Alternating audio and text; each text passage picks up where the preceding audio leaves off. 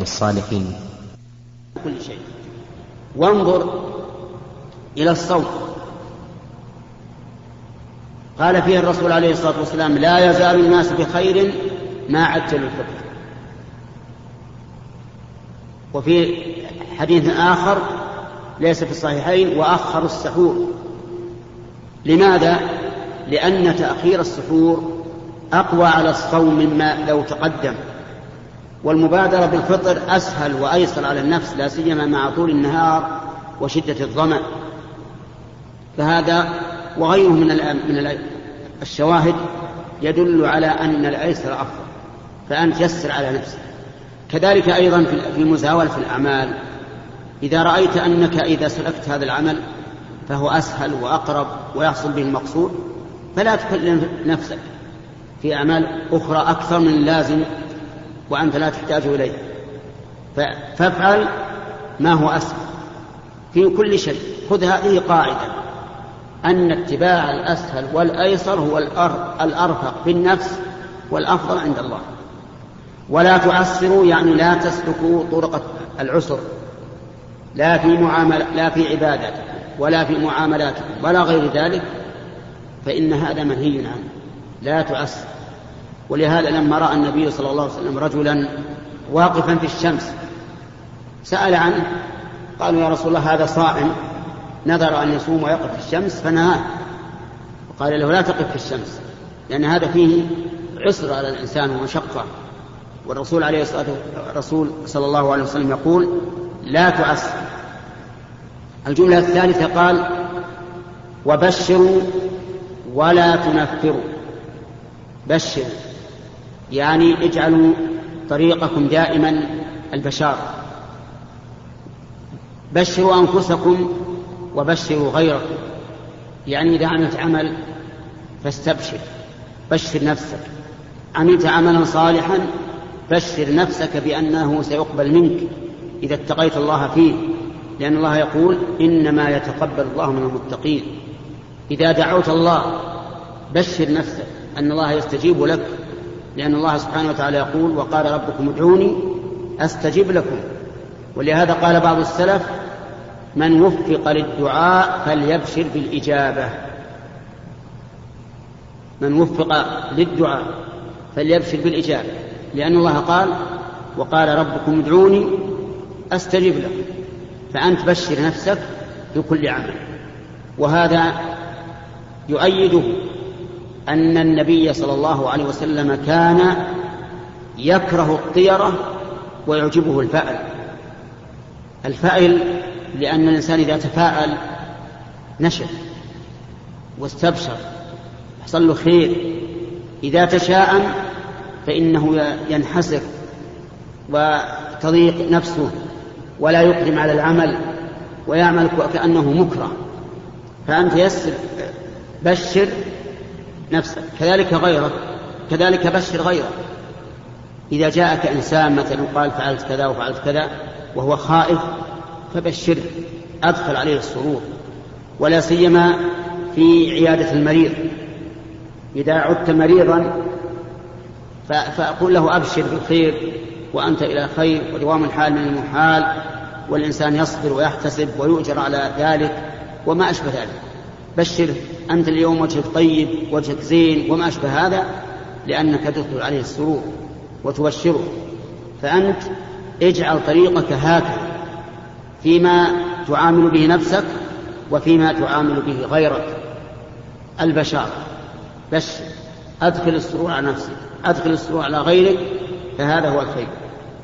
ولا تنفروا يعني لا تنفروا الناس عن الأعمال الصالحة ولا تنفروهم عن الطرق السليمة. شجعوهم عليه. حتى في العبادات لا تنفروهم ومن ذلك أن يطيل الإمام بالجماعة أكثر من السنة. فإن معاذ بن جبل رضي الله عنه كان إذا صلى مع النبي صلى الله عليه وسلم صلاة العشاء ذهب إلى قومه فصلى بهم تلك الصلاة. فدخل يوم من الأيام في الصلاة فشرع في صورة طويلة فانصرف بعض الناس انصرف رجل وصلى وحده فقيل نافق فلان فذهب الرجل إلى النبي صلى الله عليه وسلم ثم إن معاذا أتى إلى رسول الله صلى الله عليه وسلم فقال له أفتان أنت يا معاذ؟ وكذلك الرجل الآخر قال قال له الرسول عليه الصلاة والسلام إن منكم منفرين فأيكم أما الناس فليخفف فالتنفير لا ينبغي لا تنفر الناس لن لهم. حتى في الدعوة إلى الله عز وجل لا تدعوهم إلى الله دعوة منفر. لا تقل إذا رأيت إنسانا على خطأ يا فلان أنت فيك أنت خالفت أنت عصيت إلى اخره لا هذا ينفرهم هذا يزيدهم في التمادي في المعصية. ولكن ادعه بهون ولين حتى يألفك ويألف ما تدعو إليه ما تدعو إليه وبذلك تمتثل أمر النبي عليه الصلاة والسلام في قوله بشروا ولا تنفروا. فخذ هذا الحديث أيها الأخ خذه رأس مال لك. يسروا ولا تعسروا وبشروا ولا تنفروا سر إلى الله عز وجل على هذا على هذا الأصل وعلى هذا الطريق. وسر مع عباد الله على ذلك. تجد الخير كله. والله موفق. بسم الله الرحمن الرحيم. الحمد لله رب العالمين والصلاة والسلام على نبينا محمد وعلى آله وصحبه أجمعين. قال رحمه الله تعالى وعن أنس رضي الله عنه عن النبي صلى الله عليه وسلم قال يسروا ولا تعسروا وبشروا ولا تنفروا. متفق عليه. وعن جرير بن عبد الله رضي الله عنه قال سمعت رسول الله صلى الله عليه وسلم يقول من يحرم الرفق يحرم الخير كله رواه مسلم. وعن أبي هريرة رضي الله عنه أن رجلا قال للنبي صلى الله عليه وسلم أوصني قال لا تغضب فردد مرارا قال لا تغضب رواه البخاري. بسم الله الرحمن الرحيم. هذه الأحاديث. ذكرها النووي رحمه الله في باب الرفق والحلم والأناء من كتاب رياض الصالحين. وسبق الكلام على قوله صلى الله عليه وسلم يسروا ولا تعسروا وبشروا ولا تنفروا. ثم ذكر المؤلف رحمه الله حديثا فيه الأمر بالرفق والحث عليه حيث قال النبي صلى الله عليه وسلم من يحرم الرفق يحرم يحرم الخير كله. يعني أن الإنسان إذا حرم الرفق في الأمور فيما يتصرف فيه لنفسه وفيما يتصرف فيه مع غيره فإنه يحرم الرزق الخير كله. أي فيما تصرف فيه. فإذا تصرف الإنسان بالعنف والشدة فإنه يحرم الخير فيما فعل. وهذا شيء مجرد مشاهد أن الإنسان إذا صار يتعامل بالعنف والشدة فإنه يحرم الخير ولا ينال الخير. وإذا كان يتعامل بالرفق والحلم والأنات وسعة الصدر حصل على خير كثير. وعلى هذا فينبغي للإنسان الذي يريد الخير أن يكون دائما رفيقا حتى ينال الخير. أما حديث أبي هريرة فهو أن رجلا قال يا رسول الله أوصني. قال لا تغضب فردد مرارا وهو يقول أوصني. قال لا تغضب. والمعنى لا تكن سريع الغضب. يستثيرك كل شيء. بل كن مطمئنا متأنيا لأن الغضب جمرة يلقيها الشيطان في قلب الإنسان حتى يغلي القلب ولهذا تنتفخ الأوجاج عروق الدم وتحمر العين. ثم ينفعل الإنسان حتى يفعل شيئا يندم عليه. وإنما أوصى النبي صلى الله عليه وسلم هذا الرجل أن لا يغضب دون أن يوصيه بتقوى الله أو بالصلاة أو بالصيام أو ما أشبه ذلك لأن حال هذا الرجل تقتضي ذلك. ولهذا أوصى غيره بغير هذا الشيء. أوصى أبا هريرة أن يصوم ثلاثة أيام من كل شهر وأن يوتر قبل أن ينام. وأوصى أبا الدرداء بمثل ذلك. وأما هذا فأوصاه أن لا يغضب أوصاه أن لا يغضب لأن النبي صلى الله عليه وآله وسلم علم من حاله أنه غضوب كثير الغضب. فلذلك قال لا تغضب. والغضب يحمل الإنسان على أن يقول كلمة الكفر على أن يطلق زوجته على أن يضرب أمه على أن يعق أباه كما هو مشاهد معلوم. ثم تجد الإنسان من حين ما يتصرف يبرد ثم يندم ندما عظيما وما أكثر الذين يسألون غضبت على زوجتي فطلقت غضبت عليه فطلقت بالثلاث غضبت على فلان وحرمت عليه وما أشبه ذلك. فأنت لا تغضب. لا تغضب فإن الغضب لا شك أنه يؤثر على الإنسان حتى يتصرف تصرف المجانين. ولهذا قال بعض العلماء إن الإنسان إذا غضب غضبا شديدا حتى لا يدري ما يقول فإنه لا عبرة بقوله لا ولا ولا أثر لقوله. إن كان طلاقا فإن امرأته لا تطلق إن كان دعاء فإنه لا يستجاب لأنه يتكلم بدون عقل وبدون تصور نسأل الله لنا ولكم العافية والسلام.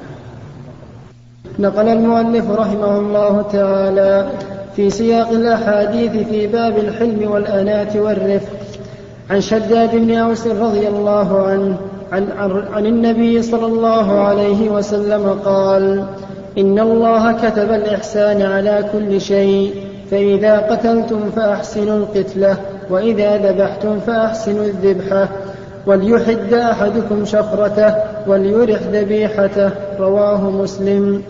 وعن عائشة رضي الله عنها قالت ما خير رسول الله صلى الله عليه وسلم بين أمرين قط إلا أخذ أيسرهما ما لم يكن إثما فإن كان إثما كان أبعد الناس منه.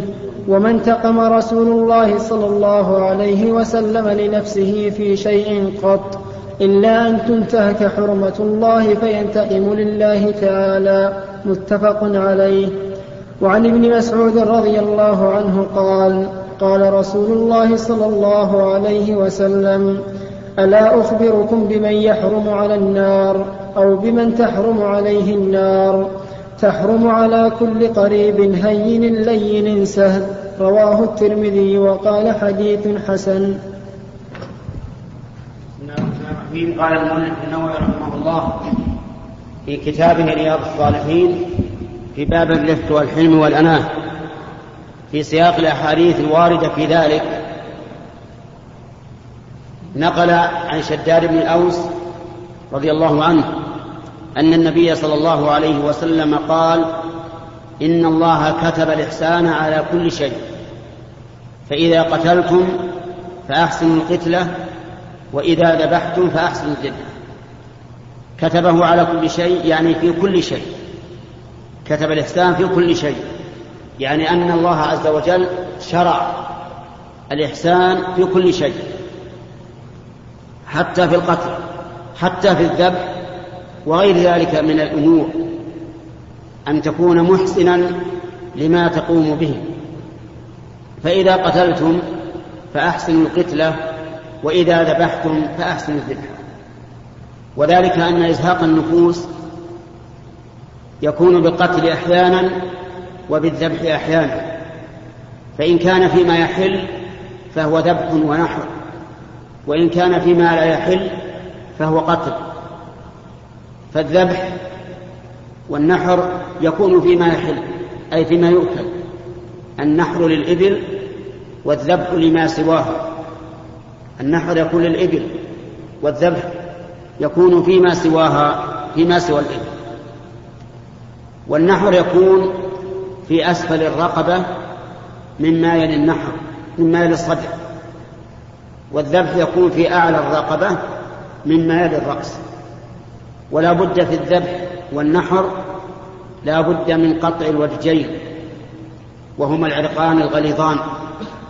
اللذان يجري منهما الدم ويتوزع على بقية البدن. لأن النبي صلى الله عليه وآله وسلم قال ما أنهر الدم وذكر اسم الله عليه فكلوا ولا ينهر الدم إلا قطع الوجهين فالشرط في حل المذكى أو المنحور أن يقطع الوجهان. أما المري الذي هو مجرى النفس أما الحلقوم الذي هو مجرى النفس والمري الذي هو مجرى الطعام فقطعهما أكمل في الذبح والنحر ولكن ليس ذلك بشرط.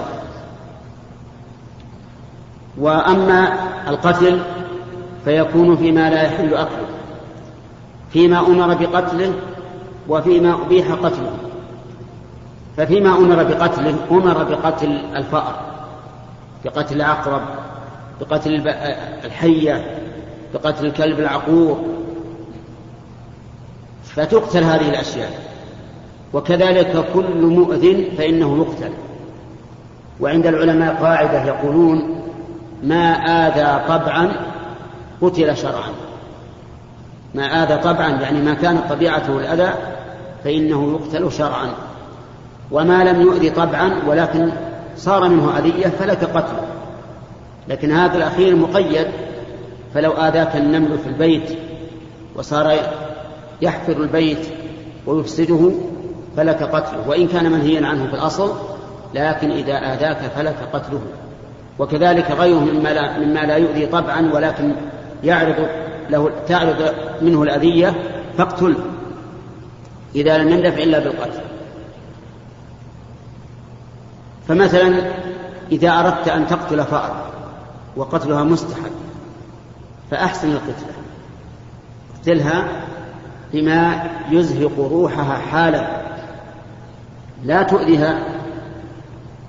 ومن أذيتها ما يفعله بعض الناس يضع لها شيئا لاصقا تلتصق به ثم يدعها تموت جوعا وعطشا.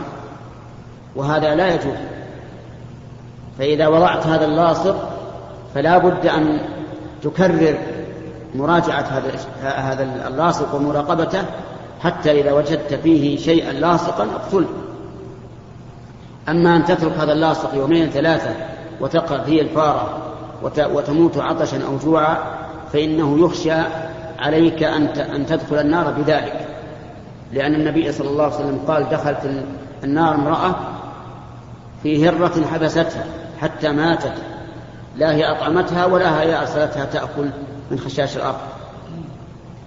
المهم أن ما يشرع قتله فاقتله بأقرب ما يكون من من إهلاكه وإتلافه ومن ذلك الوزغ. الوزغ الذي يسمى السام الأبرص يسمى البعص أيضا اقتله واحرص على أن تقتله أن يموت بأول مرة. فهو أفضل وأعظم أجرا وأيسر له. وكذلك بقية الأشياء التي تقتل. ومن ذلك من يقتل قصاصا. لكن من يقتل قصاصا فإنه يفعل به كما فعل في المقتول. ودليل ذلك أن النبي صلى الله عليه وسلم رفع إليه قضية امرأة أتاها يهود وكان معها حلي فقتلها وأخذ الحلي. لكن كيف قتلها؟ وضع رأسها على حجر وقتلها بالحجر الثاني فرض رأسها بين حجرين. فأتي إليها, إليها وفيها رمق من حياة فقيل لها من قتلك؟ فلان فلان فلان فلان حتى ذكروا اليهودي. فأشارت برأسها أن نعم. فأخذ اليهودي فاعترف. فأمر النبي صلى الله عليه وآله وسلم أن يرض رأسه بين حجرين. وضع رأسه على حجر ثم ضرب بالحجر الثاني حتى مات. لأن هذا قصاص. والله عز وجل يقول من اعتدى عليكم فأعتدوا عليه بمثل ما اعتدى عليكم لكن لو وجب قتله لحرابة. حرابة يعني أنه صار يقطع الطريق على الناس يأخذ الأموال ويقتل الناس فهذا يقتل لكن يقتل بالسيف يقتل بالسيف إلا إذا كان قد مثل بمن قتل فيمثل به حسب ما فعل يفعل به كما فعل. فإن قال قائل ما تقولون في الرجل إذا زنى وهو محصن فإنه يرجم بالحصى بالحجر الصغير حتى يموت وهذا يؤلمه ويؤذيه قبل أن يموت. فهل يعارض هذا الحديث؟ فالجواب لا لا يعارضه. لأنه يحمل على أحد أمرين. إما أن يراد بإحسان الطفلة ما وافق الشرع وحينئذ يكون الرجم من من إحسان القتلة لأنه موافق للشرع. وإما أن يقال هذا مستثنى مستثنى دلت عليه السنة بل دل عليه القرآن الذي نسخ لفظه وبقي حكمه ودلت عليه ودل عليه صريح السنة فالزاني المحصن الذي قد تزوج وجامع زوجته إذا زنى والعياذ بالله فإنه يؤتى به ويؤخذ حجارة صغيرة أقل من البيضة مثل التمرة تقريبا أو أكبر قليلا ويضرب يرجم حتى يموت. ويتقى المقاتل يعني ما يضرب في شيء يموت به سريعا بل يضرب على ظهره وبطنه وما أشبه ذلك حتى يموت لأن هذا هو الواجب. والحكمة من هذا أن البدن الذي تلذذ بالشهوة المحرمة وعمت الشهوة جميع بدنه ينبغي أو من الحكمة أن تعم العقوبة جميع بدنه. وهذا من حكمة الله عز وجل. ثم قال النبي عليه الصلاة والسلام وليحد أحدكم شفرته. اللام للأمر. يحد يعني يجعلها حديدة سريعة القطع والشفرة السكين يعني إذا أردت أن تذبح فاذبح بسكين مشؤودة أي مسنونة بحيث يكون ذلك أقرب إلى القطع بدون ألم. وليرح ذبيحته. ليرح ذبيحته هذا أمر زائد على شحذ الشفرة وذلك بأن يقطع بقوة. يضع السكين على الرقبة ثم يجرها بقوة. حتى يكون ذلك أسرع من كونه يحرحر ويردد مرتين ثلاثة.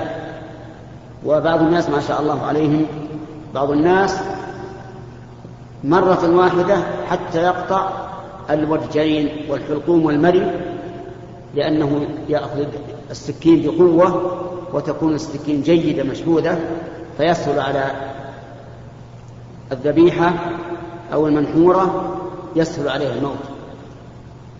ومن إراحة الذبيحة أن أن تضع رجلك على رقبتها. ضع الرجل على الرقبة وأمسك بالرأس باليد اليسرى وأذبح باليد اليمنى. وحينئذ تكون ما مضجعة على الجنب الأيسر. ودع القوائم اليدين والرجلين دعها. خلها تتحرك بسهولة. لأنك إذا أمسكت بها فإن هذا ضغط عليها. وإذا تركتها تتحرك بيديها ورجليها كان هذا أيسر لها. وفيه أيضا فائدة وهو تفريغ الدم بهذه الحركة لأنه مع الحركة والاضطراب يتفرغ الدم أكثر وكلما تفرغ فهو أحسن.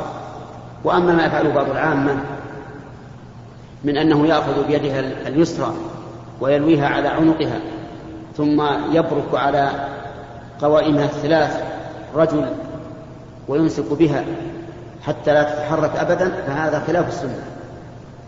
السنة أنك تضع الرجل على الرقبة ثم تدع القوائم تتحرك.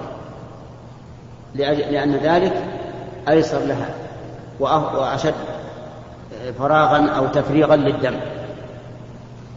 وليحد أحدكم شفرته وليرح ذبيحته. الشاهد من هذا الحديث قوله عليه الصلاة والسلام إذا قتلتم فأحسنوا القتلة وإذا ذبحتم فأحسنوا الذبحة فإن هذا من الرفق. والله موفق. نعم.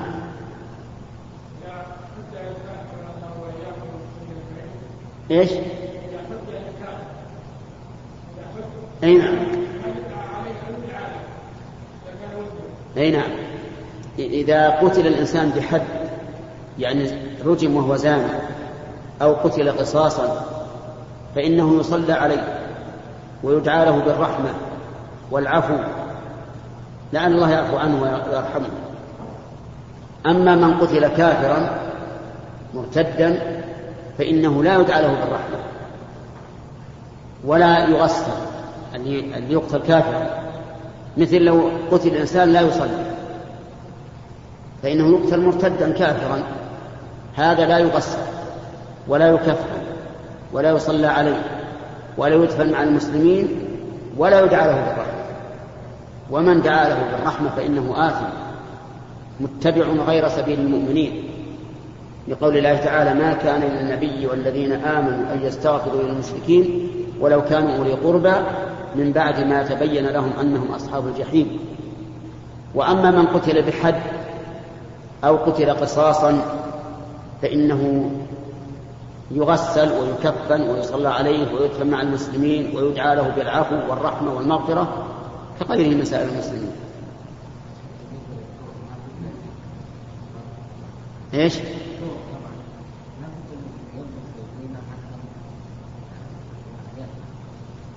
إذا كنت لا تستطيع أن تذبح إلا بربط اليدين والرجلين فلا بأس هذه حاجة مثل ما كانت البعير إذا أردنا ننحر البعير نعقل يده اليسرى نعقل اليد اليسرى وتقف على ثلاث قوائم ثم يأتيها الناحر من الجانب الأيمن فينحرها ثم تسقط على الأيسر.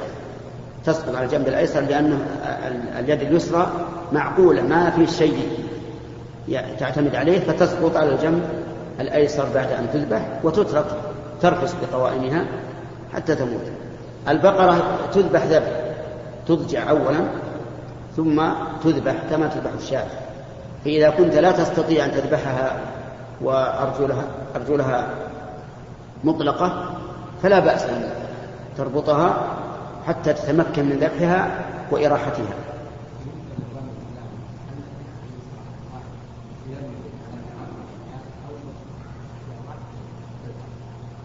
حسب الحاجة. رجم الزاني بالحجارة إن كان الناس كثيرين. فارمه مرة واحدة بحجر ثم انصرف لتفسح المجال لغيره. أما إذا كانوا قليلين فليرجموا حتى يموت.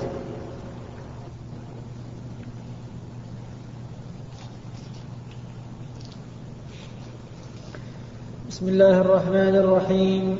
الحمد لله رب العالمين والصلاة والسلام على نبينا محمد وعلى آله وصحبه أجمعين. قال رحمه الله تعالى باب العفو والإعراض عن الجاهلين قال الله تعالى خذ العفو وأمر بالعرف وأعرض عن الجاهلين وقال تعالى فاصفح الصفح الجميل وقال تعالى وليعفوا وليصفحوا ألا تحبون أن يغفر الله لكم والله غفور رحيم وقال تعالى والكاظمين الغيظ والعافين عن الناس والله يحب المحسنين وقال تعالى ولمن صبر وغفر إن ذلك لمن عزم الأمور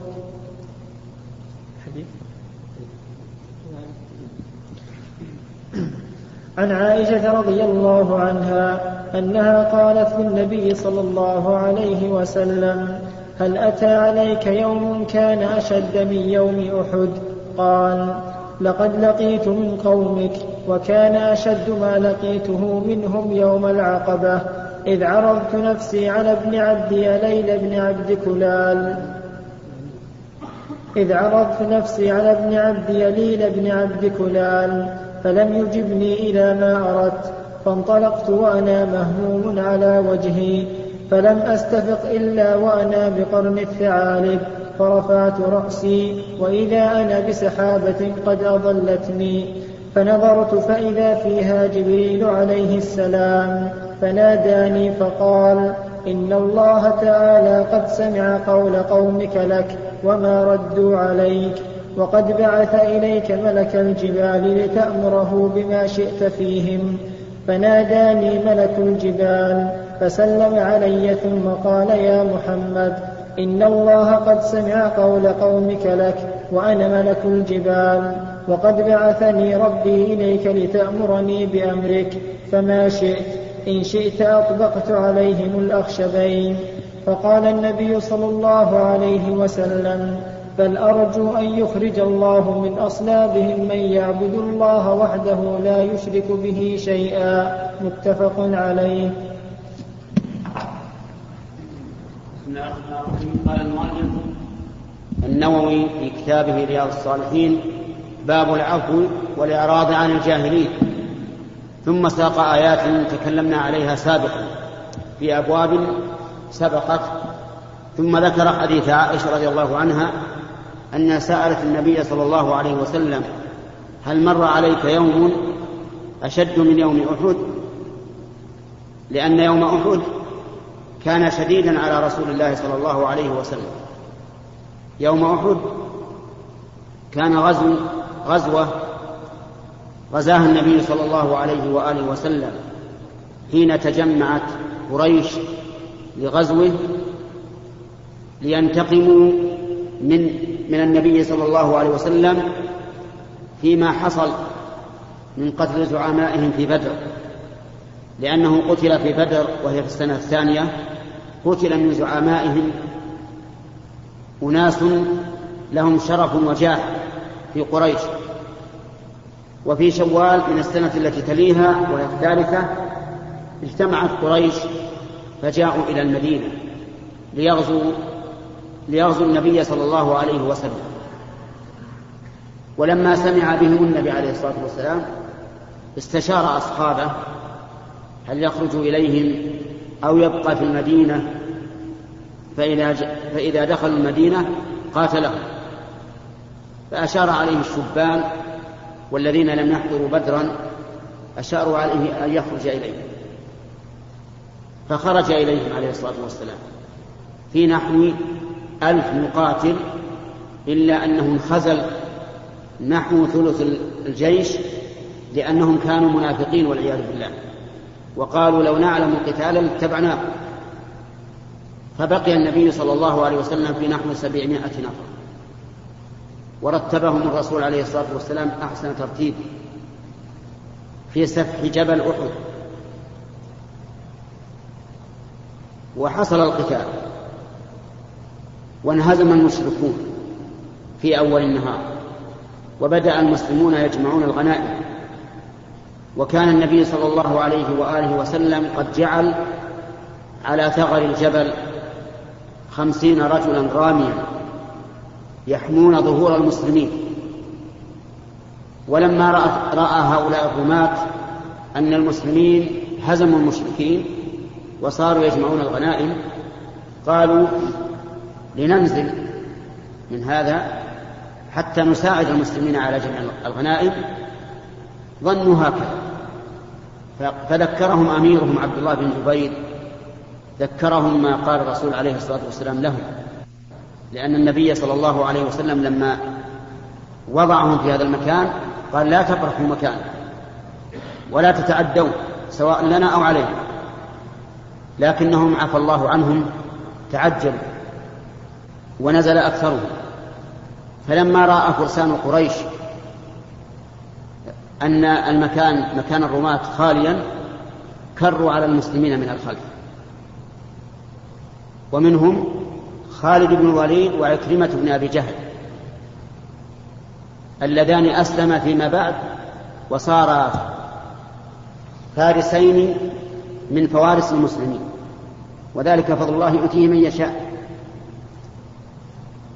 جاء دخلوا على المسلمين من خلفهم واختلطوا بالمسلمين واستشهد من المسلمين سبعون رجلا.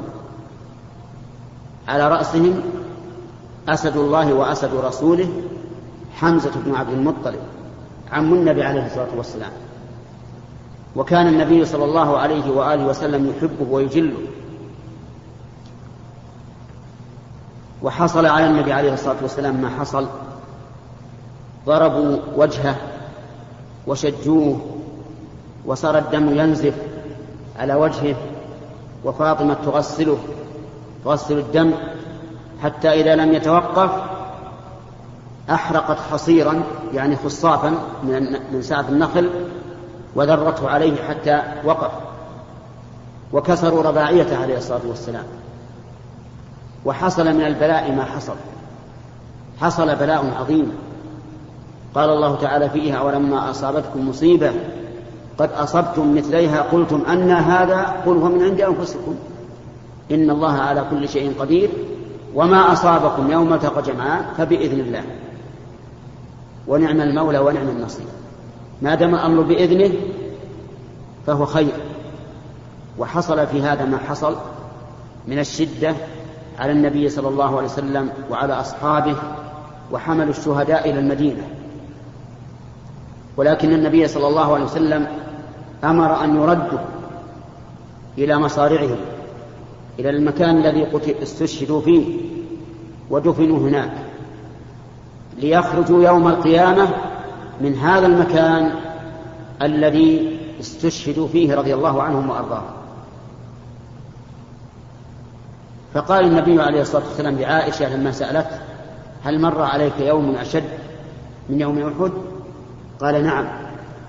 وذكر لها قصة ذهابه إلى الطائف. لأن النبي صلى الله عليه وسلم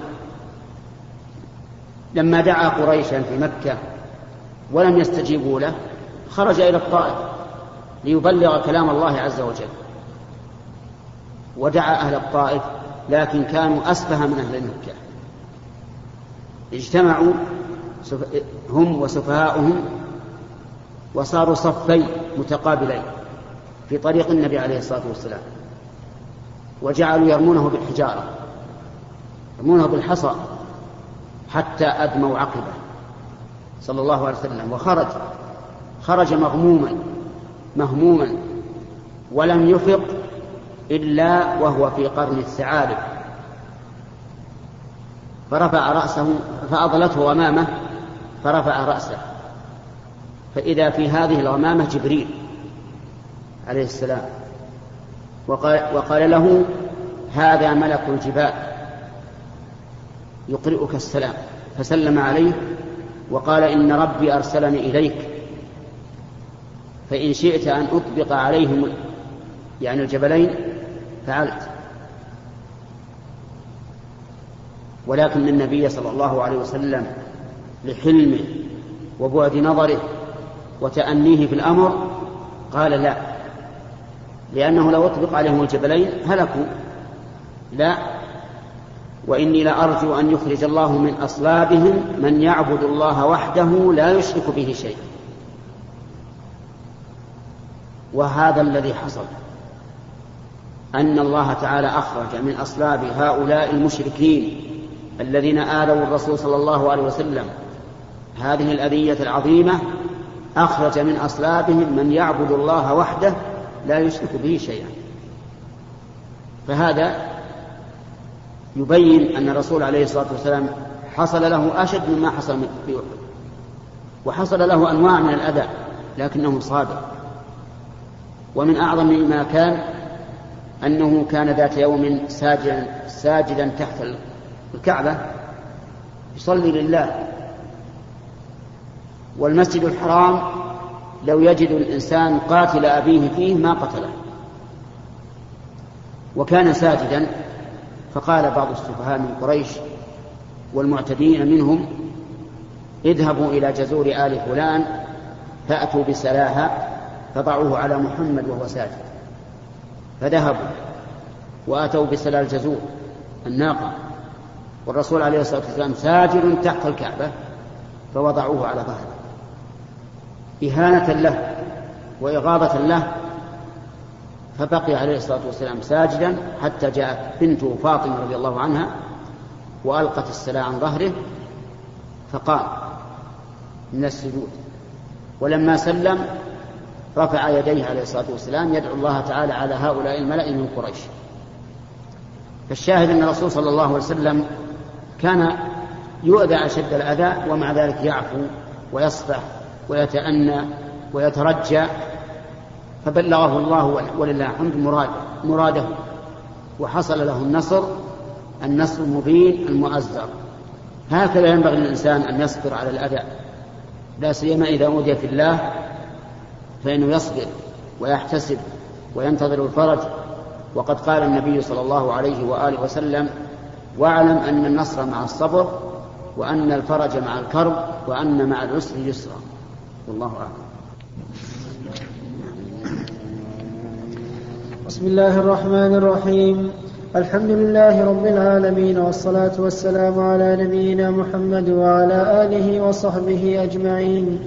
نقل المؤلف رحمه الله تعالى في سياق الأحاديث في باب العفو والإعراض عن الجاهلين. عن عائشة رضي الله عنها قالت ما ضرب رسول الله صلى الله عليه وسلم شيئا قط بيده ولا امرأة ولا خادما إلا أن يجاهد في سبيل الله وما نيل منه شيء قط فينتقم من صاحبه إلا أن ينتهك شيء من محارم الله تعالى فينتقم لله تعالى رواه مسلم. وعن أنس رضي الله عنه قال كنت أمشي مع رسول الله صلى الله عليه وسلم وعليه برد نجراني غليظ الحاشية فأدركه أعرابي فجبده, فجبده بردائه جبدة شديدة فنظرت إلى صفحة عاتق النبي صلى الله عليه وسلم وقد أثرت بها حاشية البرد من شدة جبدته ثم قال يا محمد مر لي من مال الله الذي عندك فالتفت إليه فضحك ثم أمر له بعطاء متفق عليه. وعن ابن مسعود رضي الله عنه قال كأني أنظر إلى رسول الله صلى الله عليه وسلم يحكي نبيا من الأنبياء صلوات الله وسلامه عليهم ضربه قومه فأدموه وهو يمسح الدم عن وجهه ويقول اللهم اغفر لقومي فإنهم لا يعلمون. متفق عليه. وعن أبي هريرة رضي الله عنه أن رسول الله صلى الله عليه وسلم قال ليس الشديد بالسرعة إنما الشديد الذي يملك نفسه عند الغضب. متفق عليه. بسم الله الرحمن الرحيم. هذه الاحاديث ساقها النووي رحمه الله. في رياض الصالحين في باب العفو والإعراض عن الجاهلين. منها حديث عائشة رضي الله عنها أن النبي صلى الله عليه وسلم ما ضرب أحدا لا خادما ولا غيره بيده إلا أن يجاهد في سبيل الله. وهذا من كرمه صلى الله عليه وآله وسلم أنه لا يضرب أحدا على شيء على شيء من حقوقه هو الخاصة به لأن له أن يعفو عن حقه وله أن يأخذ بحقه.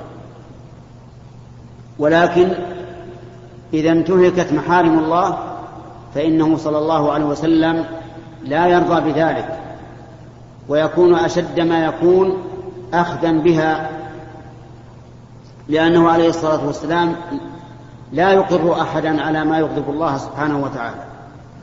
وهكذا ينبغي للإنسان أن يحرص على أخذ العفو وما عفا من أحوال الناس وأخلاقهم ويعرض عنهم إلا إذا انتهكت محارم الله فإنه لا لا يقر أحدا على ذلك. ومنها من الأحاديث التي ساقها قصة هذا الأعرابي الذي لحق النبي صلى الله عليه وسلم وعليه جبة نجرانية غليظة الحاشية.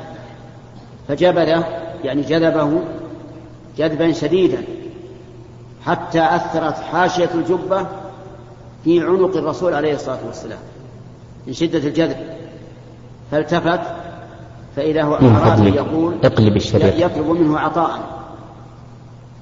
فضحك النبي صلى الله عليه وسلم وأمر له بعطاء. فانظر إلى هذا الخلق الرفيع.